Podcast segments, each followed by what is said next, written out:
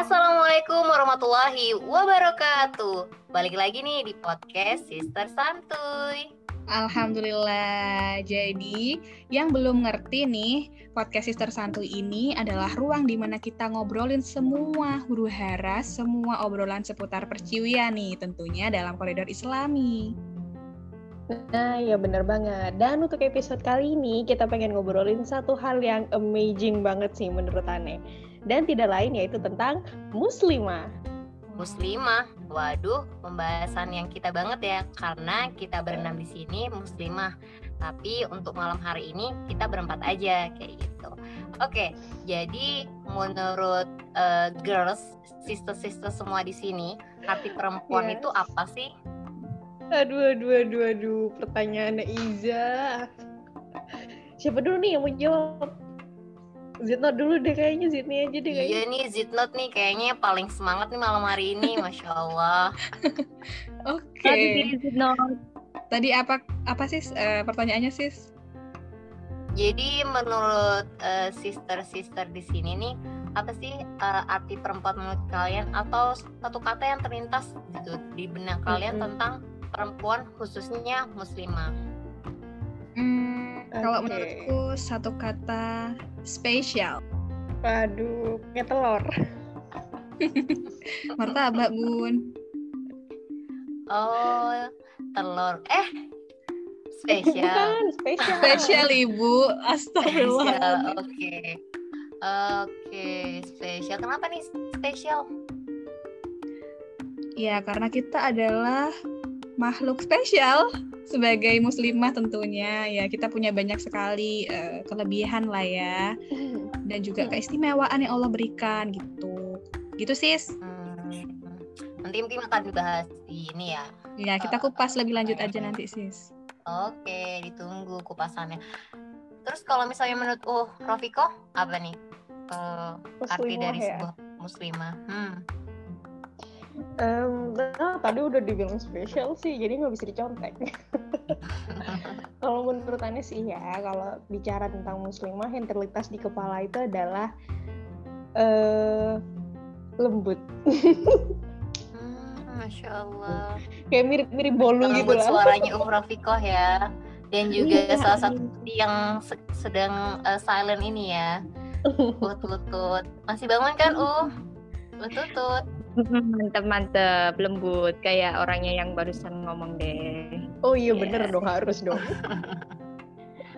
Kenapa nih Karena karena ini apa sih uh, kalau dibandingin ya sama laki-laki gitu ya muslimah tuh kan kayaknya meskipun di dalam dirinya itu ada huru hara gitu ya ada sifat-sifat yang uh, ceria dan segala macem atau mungkin hyperaktif mungkin gitu ya tapi dia kayak ketika dia sadar sebagai seorang muslimah dia kemudian mengatur itu agar lebih anggun gitu. Hmm. itu sih menurutku. Benar juga setuju, ya. setuju. Setuju setuju setuju. Eh, emang emang menurut itu apaan? Iya nih. Kalau aku menurut aku muslimah itu adalah muslimah harus kuat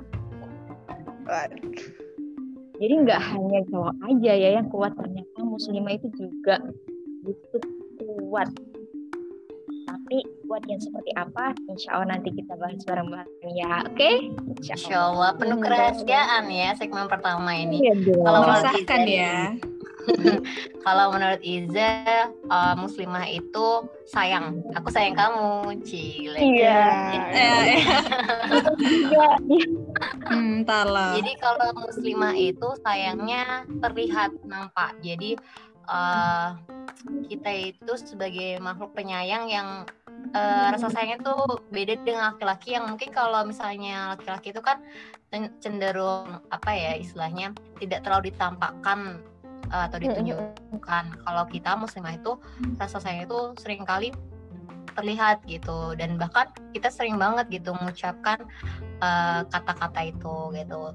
Aku sayang kamu karena Allah kayak gitu. Jadinya sebagai muslimah yang baik tuh harusnya itu salah satu uh, karakter yang harus dimiliki sih rasa sayang kayak gitu. Iya bener banget Ukti sepakat iya. eh sepakat sis tapi itu iya sih ya. Maksudnya kayak uh, seintrovert apa pun seorang muslimah gitu seorang perempuan pasti kayaknya selalu akan menyampaikan perasaannya gitu. Perasaan sayangnya entah itu pada saudara pada anak kayak gitu gitu kan anak Iya. kecil ya gitu meskipun bukan anaknya menjadi- sendiri gitu. Benar. Jadi seorang Dan aku setuju banget, setuju banget Nah, sama iya. kata Zidni tadi yang bilang kalau misalkan muslimah itu ngerasa eh, spesial gitu ya. Karena mungkin kalau boleh berbagi cerita nih, dulu tuh ketika masih ya Allah zaman jahiliyah, zaman jahiliyah saya ya, bukan. Korea, oke. itu tuh eh, apa sih? Dulu tuh Viko tuh kayak ya ampun kalau bergaul sama laki-laki tuh kadang dia suka main tabuk-tabukan lah, dipukul sembarangan lah segala macem gitu ya kan. Tapi ketika kemudian sadar hijrah dan menjadi sebagaimana seorang fitrahnya seorang muslimah begitu ya menjaga diri itu rasanya kayaknya eh, justru bukan saya menjaga diri gitu tapi kon apa sih namanya kayak syariat itu tuh justru menjaga saya gitu. jadi bukan saya yang menjaga tapi mereka lah yang menjaga saya gitu ketika berinteraksi mereka jadi lebih lebih sopan lebih oh iya kok gitu jadi ngerasa kayak spesial gitu kan. Masya Allah, iya Iya, benar-benar. banget. Karena aku juga ngerasain kayak gitu sih Uhya Karena kayak setiap kita melakukan apa yang Allah perintahkan itu sebenarnya kebaikannya untuk kita sendiri gitu kan. Kadang Hmm. kayak orang liatnya kita ribet lah pakai inilah pakai kaos kaki lah pakai kerudung panjang lah menutup aurat dengan sempurna. Itu kayak orang yang liatnya ribet gitu ya. Tapi ternyata itu semua keribitan itu itu untuk kebaikan diri kita sendiri masya Allah Hmm, Bener lagi- banget. Aku jadi teringat ini Gitu ya. ada salah satu sejarah atau kisah Mm-mm. bahwasanya seorang buta itu eh, dia berjalan ke masjid itu membawa apa semacam eh, lampu penerang gitu kan. Para sahabat dan orang-orang sekitar bertanya, "Kenapa kamu seorang yang buta tapi membawa lampu gitu?" Eh, lampu ini mungkin tidak aku lihat, tapi lampu ini akan membantu orang melihat bahwasanya ada aku yang sedang berjalan, sehingga lampu ini tidak hanya kemudian eh, membantu saya, tapi membantu orang lain, tapi juga membantu saya agar tidak menabrak orang lain, kayak gitu ya syariat itu, Masya masya Allah. Ya, Iya. eh, dari cerita yang panjang sebenarnya saya kurang paham ya. Terima Ya, apa kasih ya. Buat yang lain Iya paham ya, tapi mohon maaf aku tuh. paham pasti. Aku paham kok Utiza Tolong, tolong, tolong bantu, tolong ya bantu saya untuk memahami. ya bahwa kita itu bagaikan itu ya. Lampu itu sebagai penerang kita nggak sih? Gitu kan. Syariat Iya, iya bener maksud banget. sebagai syariat iya. Jadi Eh, yang kita lakukan sebagai- itu kebaikan yang kita lakukan itu sering kali kadang orang melihat itu eh, berdampaknya untuk orang lain tapi juga sebenarnya kebaikan untuk diri kita kayak gitu jadi kita membantu orang lain itu misalnya kita menutup aurat nih kita membantu para lelaki tidak kemudian eh, apa istilahnya ya terlalu apa ya Melihat yang tidak seharusnya Iya dilihat. melihat gitu ya. yang tidak seharusnya mereka lihat gitu kan. Jadi kebaikan untuk mereka dan kebaikan untuk kita sendiri gitu dengan kita melakukan syariat. Oh, seperti iya. Oke, oke, oke, agaret, agaret. Sorry. Ya. you. Ah, bicarain tentang perempuan sih. Ada satu quote yang masya Allah kece banget sih menurutku. Quote ini dapetnya dari Bung Hatta. Yes. Ini aku ngerasa kayak terbakar gitu mendengar quote ini. Quote-nya tuh begini. Eh, beliau mengatakan bahwa beri aku s- eh, ini. Eh gimana ya tutupin gitu ya. Beri Kayak gitu aku loh. satu pemuda, maka akan Eh, kubincangkan bukan, Bukan, itu itu kata Bung Karno. Ya kalau kata Bung Hatta itu, ntar aku Ketika dulu. kamu- Aduh, astagfirullahaladzim. Oh, Ini kayaknya mengajar, mengajar untuk laki-laki ya. Kalau kamu ketika satu mengajari laki, uh-uh, kamu sejatinya kamu sudah menyelamatkan satu bangsa. Tapi kalau kamu mendidik satu perempuan, sejatinya kamu sedang mendidik satu peradaban besar. Masya Allah. masya Allah. masya Allah Ih, keren banget. Alhamdulillah quotesnya ingat ya, U. Alhamdulillah. Alhamdulillah. Siap sih, Iya. selalu diingat. jadi apa tuh maksudnya dari gitu. buku itu Maksudnya adalah madrasatul ula kali ya sis Nah, ya. iya benar banget. Kan kita sebagai muslimah kan eh, eh, peradaban gitu kan. Tergantung dari didikan kita nih. Kita kan calon ibu ya semuanya. Amin, amin ya rabbal alamin. ya. Jomblo-jomblo single lillah. Masya Allah, Masya barakallah. Allah. Amin. Eh, amin lagi. ya ini, masya Allah. Iya, jadi sebegitu Iya, besar. iya Iza mungkin 2021 udah mau ke pelaminan. Amin ya Allah mohon doanya ya Ya, semua para pendengar. Bentar ini, ini kenapa jadi ngomongin itu? Oh iya, back to topic guys. Oke. Back to laptop. Itu kan tadi kata Bung Hatta ya kan, yang dari quote itu beliau meng- apa sih me- memberikan makna peran dari seorang muslimah begitu peran dari seorang perempuan. Kalau menurut kalian sendiri seberapa spesial sih sebenarnya perempuan gitu? Menurut kalian? Siapa dulu nih? Zitnot, Zitnot, aku pengen denger suaranya Zitnot. Oh, Iya, Uti Sydney. Aduh jadi malu. Biasanya Oke, jadi apa tadi sis? Ya Allah. Aduh sis, aku emang suka mengulang pertanyaan ya sis, mohon maaf. Eh, seberapa spesialnya perempuan men- eh, muslimah gitu ya menurut Oh, eh, iya. Zitnot? Lebih ke perannya juga gitu. Kita ini bisa apa sih? Oh iya iya. Iya bener banget ya. Tadi tuh kita udah bahas eh, quotes dari Bung Hatta ya tentang gimana sih spesialnya seorang eh, perempuan itu dalam terutama mendidik calon penerus gitu kan. Karena penting banget tuh eh, ketika kita kita kan tentunya nanti pasti menjadi calon ibu dan menjadi eh, apa ya pendidik gitu ya untuk anak-anak kita. Nah, kita mau membawa anak kita tuh ke arah apa gitu kan. Kita tahu ya kondisi dunia saat ini kan tidak baik-baik saja, Hmm. negeri kita tidak baik-baik saja. Nah, kita harus membekali eh, penerus-penerus kita nih tentunya untuk eh, bisa sukses di dunia maupun di akhirat gitu kan. Amin ya rabbal alamin. Masya Allah. Ber- eh, berbicara tentang peran nih, kalau bahas peran pastinya kita kita nih sebagai pemuda dan muslimah banyak sekali ya peran yang harus eh, kita kontribusikan. Salah satunya ya tetap menghambakan diri kepada Allah itu adalah yang utama Oh, ya, ya, pastinya guys. dong. Jadi kita tidak hmm, sebagai muslimah kita harus tetap berada pada pondasi kita sebagai eh, identitas kita sebagai seorang muslimah. Kemudian kedua kita juga bisa berperan eh, itu tadi mendidik anak atau sebagai madrasatul ula. Ya eh, mungkin Pak bagi yang udah yang dengar-dengar di sini yang udah menjadi ibu eh, bisa lah ya nanti sharing-sharing ke kita. Terus juga peran ketiga kita juga eh, bertanggung jawab nih untuk menjadi istri yang soliah gitu kan. Kalau misal kita udah berumah tangga gitu kan tidak bisa dipungkiri kita punya peran di situ sebagai eh, pendamping suami. Atau apa tuh? Zaujati muntijah atau apa tuh istilah Arabnya tuh sis? Zaujatul Muti'ah. Ya. Masya Allah. Muti'ah ya. Zaujatul muti'ah. Masya Allah, amin. Ketahuan banget ya yang udah mempersiapkan Ya, gitu. Zaujatul Muti'ah. Iya, heeh. Ya jadi gimana caranya kita itu bisa tetap eh, menutup aurat, kemudian juga tetap patuh kepada syariat-syariat Allah eh, ketika kita eh, berada pada tahap berumah tangga kayak gitu kan. Kita harus eh, ini ya sama-sama bekerja sama gitu sama suami mungkin dalam urusan mendidik anak dan lain sebagainya.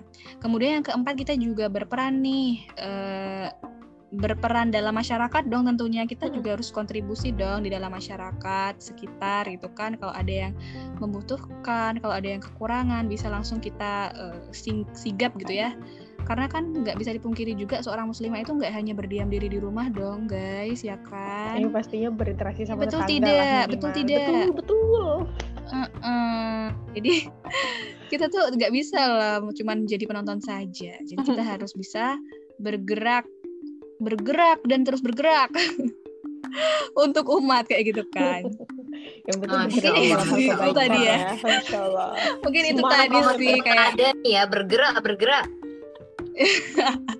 Terus Iya nih. musim pilkada nih. Ya Allah. Tapi ya kita jangan eh, eh, berharapnya pilkadanya lancar ya para muslim Oh iya, muslim, amin. eh, dapat pemimpin yang amanah. Eh, eh, amin. Eh, eh. bener banget Ya itu tadi sih sis eh, beberapa peran kita sebagai seorang muslimah yang itu semua itu menjadi kesatuan yang se- apa ya istimewanya kita sebagai seorang muslimah yang harus disyukuri dan jangan disalahgunakan gitu. Itu aja sih dari aku sis Rofiko. Monggo. eh bentar-bentar tadi tadi Zeni bilang eh, jangan Mm-mm. sampai itu disalahgunakan maksudnya disalahgunakan gimana Oh. tuh Ya maksudnya menyalahguna eh menyalahgunakan lagi.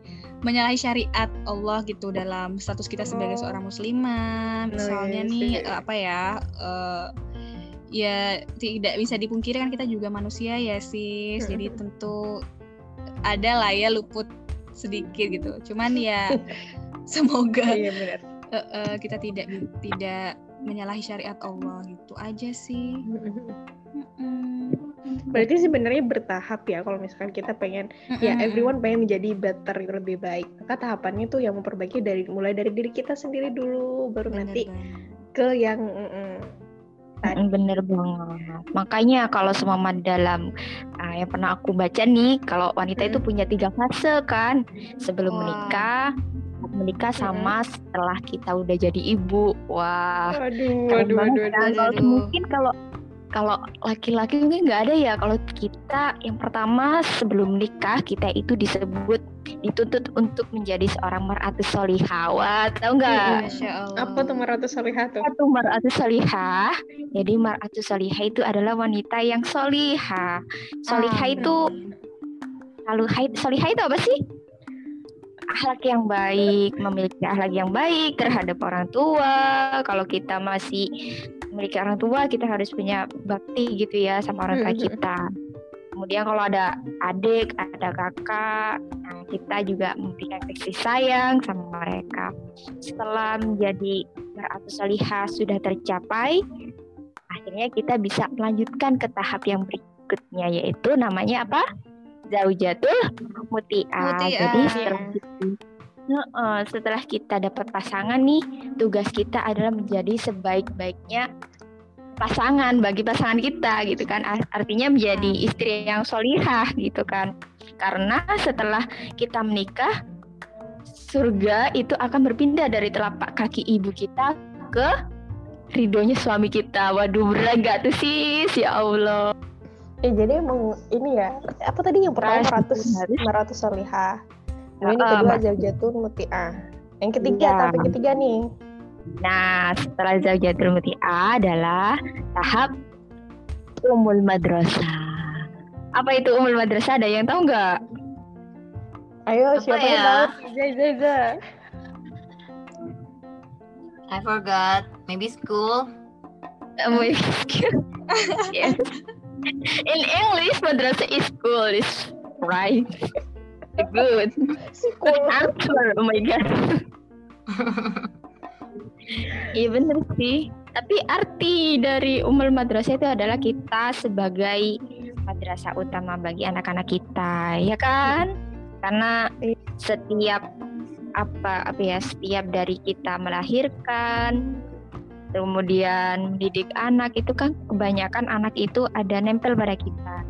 Dan kita itu memiliki peran yang sangat besar untuk mencetak yang katanya tadi kan mencetak untuk generasi generasi yang baik generasi yang kuat di masa depan. Untuk Bukan me- generasi micin ya. Bukan. ya jangan dong.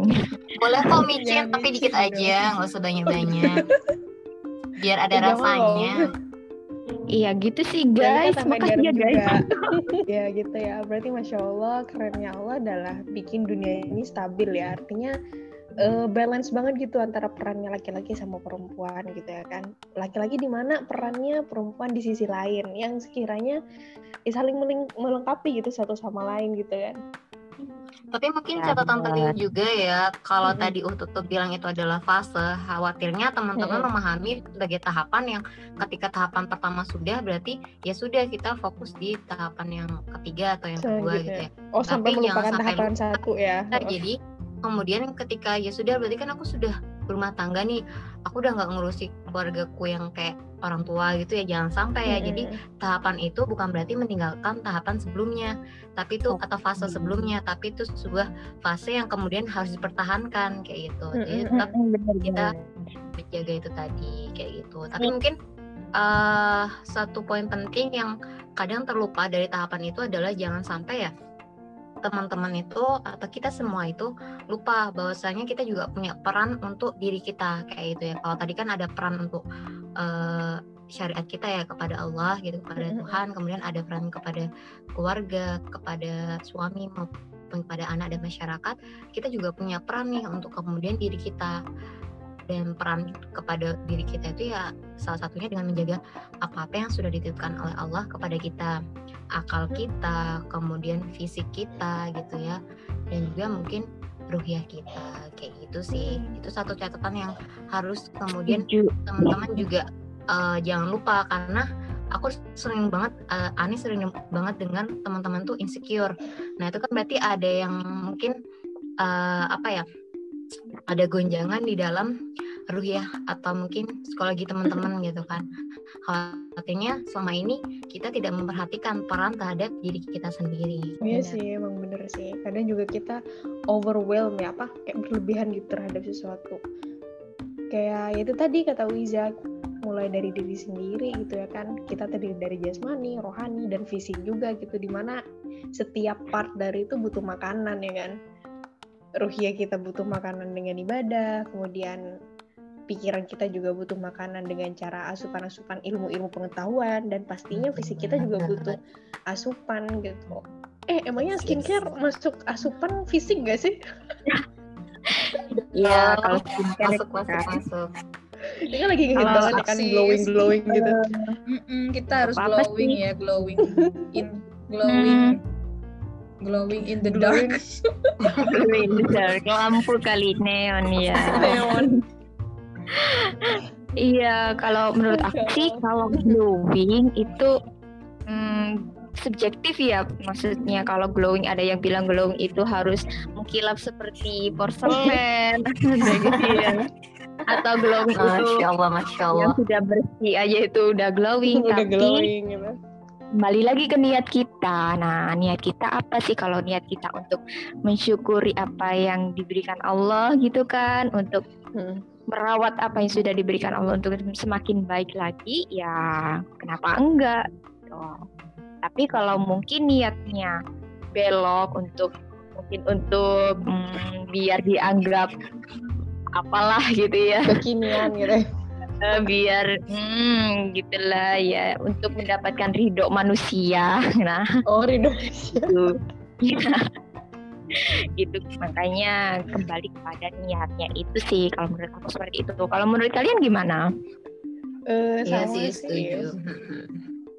Asalkan kita tidak merubah ya karena eh, ini menurut aku pribadi ya eh, karena juga apa ya itu bagian dari sunnah juga sih memper merawat diri. Karena kan juga untuk Mhm. membahagiakan orang-orang di sekitar kita kayak itu nggak mesti cuma suami nih orang tua juga gitu kan atau adik-adik kita atau saudara kita ngeliat kita dalam kondisi baik kan senang kan nggak mau ya keluarga kita ngeliat ya ampun tuh aku banget gitu.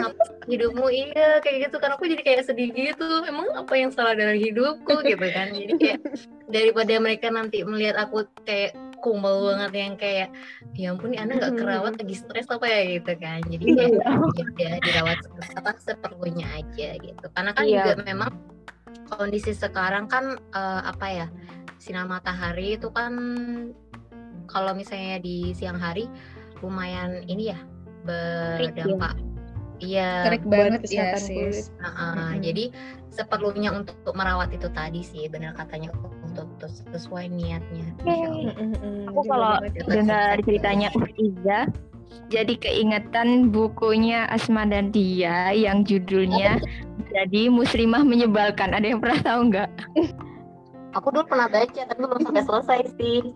Keren Eh, sih ya buat temen-temen yang mau lebih tahu. tuh share dong, pengen tahu dong muslimah yang menyebalkan Iya, juga. kayak gimana? Aku Ya ampun, aku eh, diri. mungkin eh, aku ceritain yang seinget aja ya itu soalnya bukunya Oke, udah oke, lama oke. banget gitu kan jadi bahwa boleh.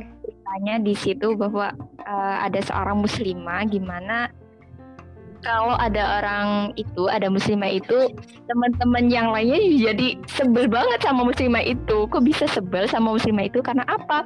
Muslimah itu kalau setiap kali duduk di samping orang lain itu baunya bau banget gitu kan. Kayak hijab baunya kayak nggak mengenakan kemudian bajunya itu lecek lah nggak pernah disetrika. Jadinya kan orang-orang itu bisa kayak menganggap ih orang muslimah pakai hijab besar-besar itu kok gitu ya kok bau ya kok bajunya kok nggak rapi ya. Padahal kita sebagai seorang muslimah juga sebagai dakwah kita kan juga melalui penampilan kita. bayangin kalau semua seorang muslimah pakai kerudung panjang pakai baju begamis tapi dengan bau yang nggak enak dengan uh, penampilan yang nggak bagus gimana kita mau mau mendawahkan yang lainnya gitu kan? Keburu kabur semua kan tiba-tiba tiba-tiba kayak gitu. Makanya penampilan itu ternyata juga penting bagi kita orang muslim. Iya, kembali lagi ke niatnya gitu ya. Uh, aku jadi inget sama satu nasihatnya Ustaz Salim Mafila tuh bilang begini, e, penampilan itu bukan yang utama, tapi dia yang pertama ya. Dalam hal menyampaikan kebaikan ya. Maksudnya kadang ya itu tadi gitu kalau misalnya kita pengen memberitahu kebaikan kepada orang lain bahasanya tuh dak ngedai dai dai gitulah ya berdakwah begitu. Yeah. bagaimana mereka akan oh, oh gitu. Bagaimana mereka akan menerima apa yang kita bawa pesan yang pengen kita sampaikan. Kalau misalkan dari kehadiran kita aja belum ngomong mereka udah bete gitu. Gitu. Salah dalam melalui penampilan. Jadi inget ini nggak sih salah satu sahabat uh yang namanya Mus'ab bin Umair uh -uh, jadi penampilan beliau adalah dakwahnya begitu. Jadi setiap kali kan beliau harum banget gitu ya kan? Bahkan setiap kali Mus'ab itu lewat orang tuh ada masya Allah nih Mus'ab nih udah udah tahu kalau itu tuh baunya Mus'ab gitu. Itu harum harum jenis ini tuh Mus'ab doang yang punya gitu Iya bener-bener sampai oh, beberapa kilometer itu eh berapa meter itu masih cium baunya gitu ya. Beberapa kilometer ya masya Allah beberapa kilometer.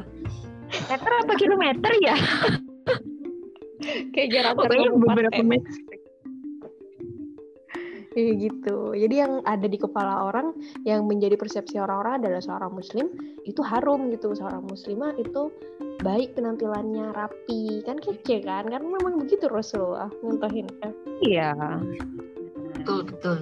Ternyata kita kalau ingin berdakwah itu nggak harus itu ya, nggak harus bicara di depan mimbar banyak orang melalui penampilan kita sebagai muslimah yang bagus, yang sopan, yang rapi itu juga bisa jadi mungkin salah satu sebab uh, teman kita tertarik untuk mempelajari Islam lebih benar, jauh. Benar. Itu enggak?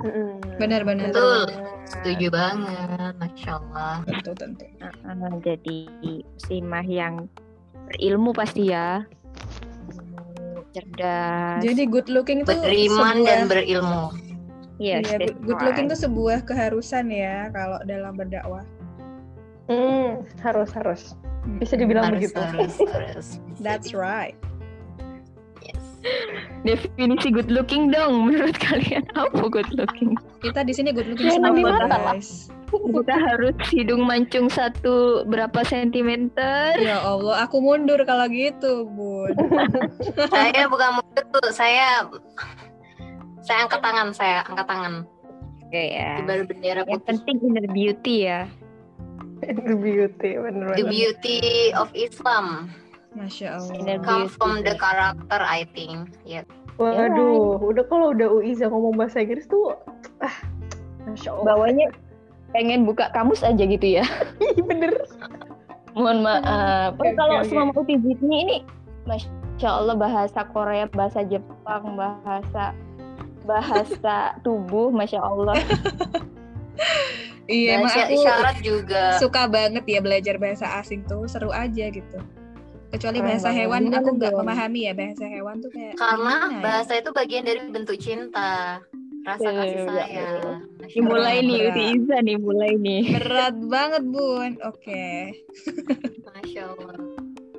Iya. Kita sebenarnya panggilannya apa sih? Ada bunda, ada uh, ada sis, ada Iya sis, apa? yang apa benar tuh aja deh, sis pokoknya ya, ya yang terserah lah itu pokok jangan bro aja, eh bro lagi kan, ya, jangan bro lah ya, jangan pak Apa, pak gitu kan, guys. jangan mas juga, kita ini Kita cewek, muslimah guys. ya. eh, eh, muslim. Oke. Kalau Iya, gitu iya. nih, buat closing statement teman-teman, eh, ada nggak pesan-pesannya untuk eh, para muslimah di luar sana atau para muslimah pendengar atau mungkin bukan muslimah, eh, tapi pesan gitu untuk para perempuan pada umumnya kayak gitu.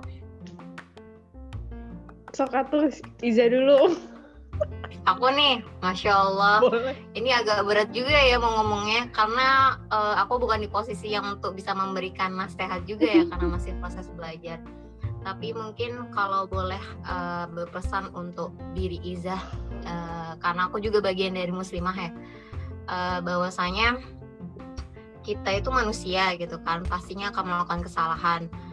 Eh, jangan takut untuk kemudian kita berubah ke arah lebih baik karena khawatir akan kritikan orang karena kan sekarang di eh, dunia yang apa ya orang tuh ber bebas lah untuk berekspresi itu. Kadang kita menerima ketik kritikan kemudian merasa insecure dengan apa ya kadang tuh nggak dari kata-kata mereka tapi dari spekulasi kita sendiri gitu kan. Jadi untuk kita para muslimah untuk diri saya sendiri juga eh, teruslah untuk berbenah karena sejatinya kita menjadi seseorang itu ada proses belajar kita kayak gitu. Jadi jangan pernah berhenti untuk belajar karena akhir dari pembelajaran adalah ketika kita sudah dipanggil kayak gitu. So for all of us, let's learn together. For me itu sih I see. harus selalu belajar. Karena sebenarnya kan podcast Oh. ini juga ditujukan buat kita sama-sama belajar dan berbagi kan kayak gitu. Jadi Hmm, bener itu sih pesan dari aku untuk para muslimah dan juga saya sendiri mungkin yang di masa depan mendengarkan ini lagi. Thank you. Buat yang lain mungkin, Apa tuh tuh tuh? tuh? Aku deh, aku. Oke, Zid. oke, not. Oke, mungkin eh, pesan untuk muslimah di luar sana eh, jangan insecure gitu kan dengan masing-masing karakter kalian itu juga berharga gitu loh. Jadi menjadi muslimah itu nggak harus kalem gitu kan, nggak harus putri solo. Jadi kita harus sesuai dengan karakter kita, tentunya Sesuai dengan fitrahnya eh, tidak- ya. eh, sesuai fitrah dan sesuai ya kalau hebring ya hebring aja gitu cuman Mhm. ya tetap ada batasan itu sih untuk eh, muslimat di luar sana Oke, aku ya, aku ya, coba ya. Ya, jadi em, jadi seorang muslimah adalah sebuah anugerah yang harus kita syukuri karena pasti ada ada hikmah di balik Allah menciptakan kita sebagai muslimah. Berarti Allah itu udah eh, tahu bahwa kita itu akan sanggup mengemban tugas yang berat gitu kan. Tugas untuk mencetak generasi generasi yang apa generasi robani generasi yang mengetahui robnya gitu kan itu berada pada benda kita. Maka bekal menjadi seorang muslimah adalah tetap cari ilmu terus jangan sampai berhenti karena pasti anak-anak kita akan tanyanya awalnya pasti pada orang tua khususnya pada ibu alias kita calon ibu Banget. ilmu kemudian apalagi ada yang nambahin ada ilmu terus eh, ya pokoknya Sampai belajar kata-kata aja ya, gitu. masya Allah. ya saking kayak bayangkannya itu ya Allah beban berat ada di pundak kita Iya benar banget. Bukan Betul, beban ya, tapi lebih ke tanggung jawab. oh iya benar iya tanggung jawab tanggung jawab yang besar kita harus benar-benar siapin dari sekarang semoga Allah mampukan kita semua ya karena kita akan di Amin, amin, amin ya Bang. bertanggung jawaban pastinya. Siap, Ibu Ustadzah, Ibu Ustadzah. Oke sis. Itu aja dari Apa saya. Rofiko Aku closing Rafiko. aja deh kayaknya. Closing, closing. ya closing deh Ah, Mungkin ini masya Allah ya segitu dulu aja ya rumpi solihah kita malam ini. Semoga ini bermanfaat bukan cuma buat kita yang lagi ngobrol di sini tapi juga buat teman-teman semua yang ada di luar sana.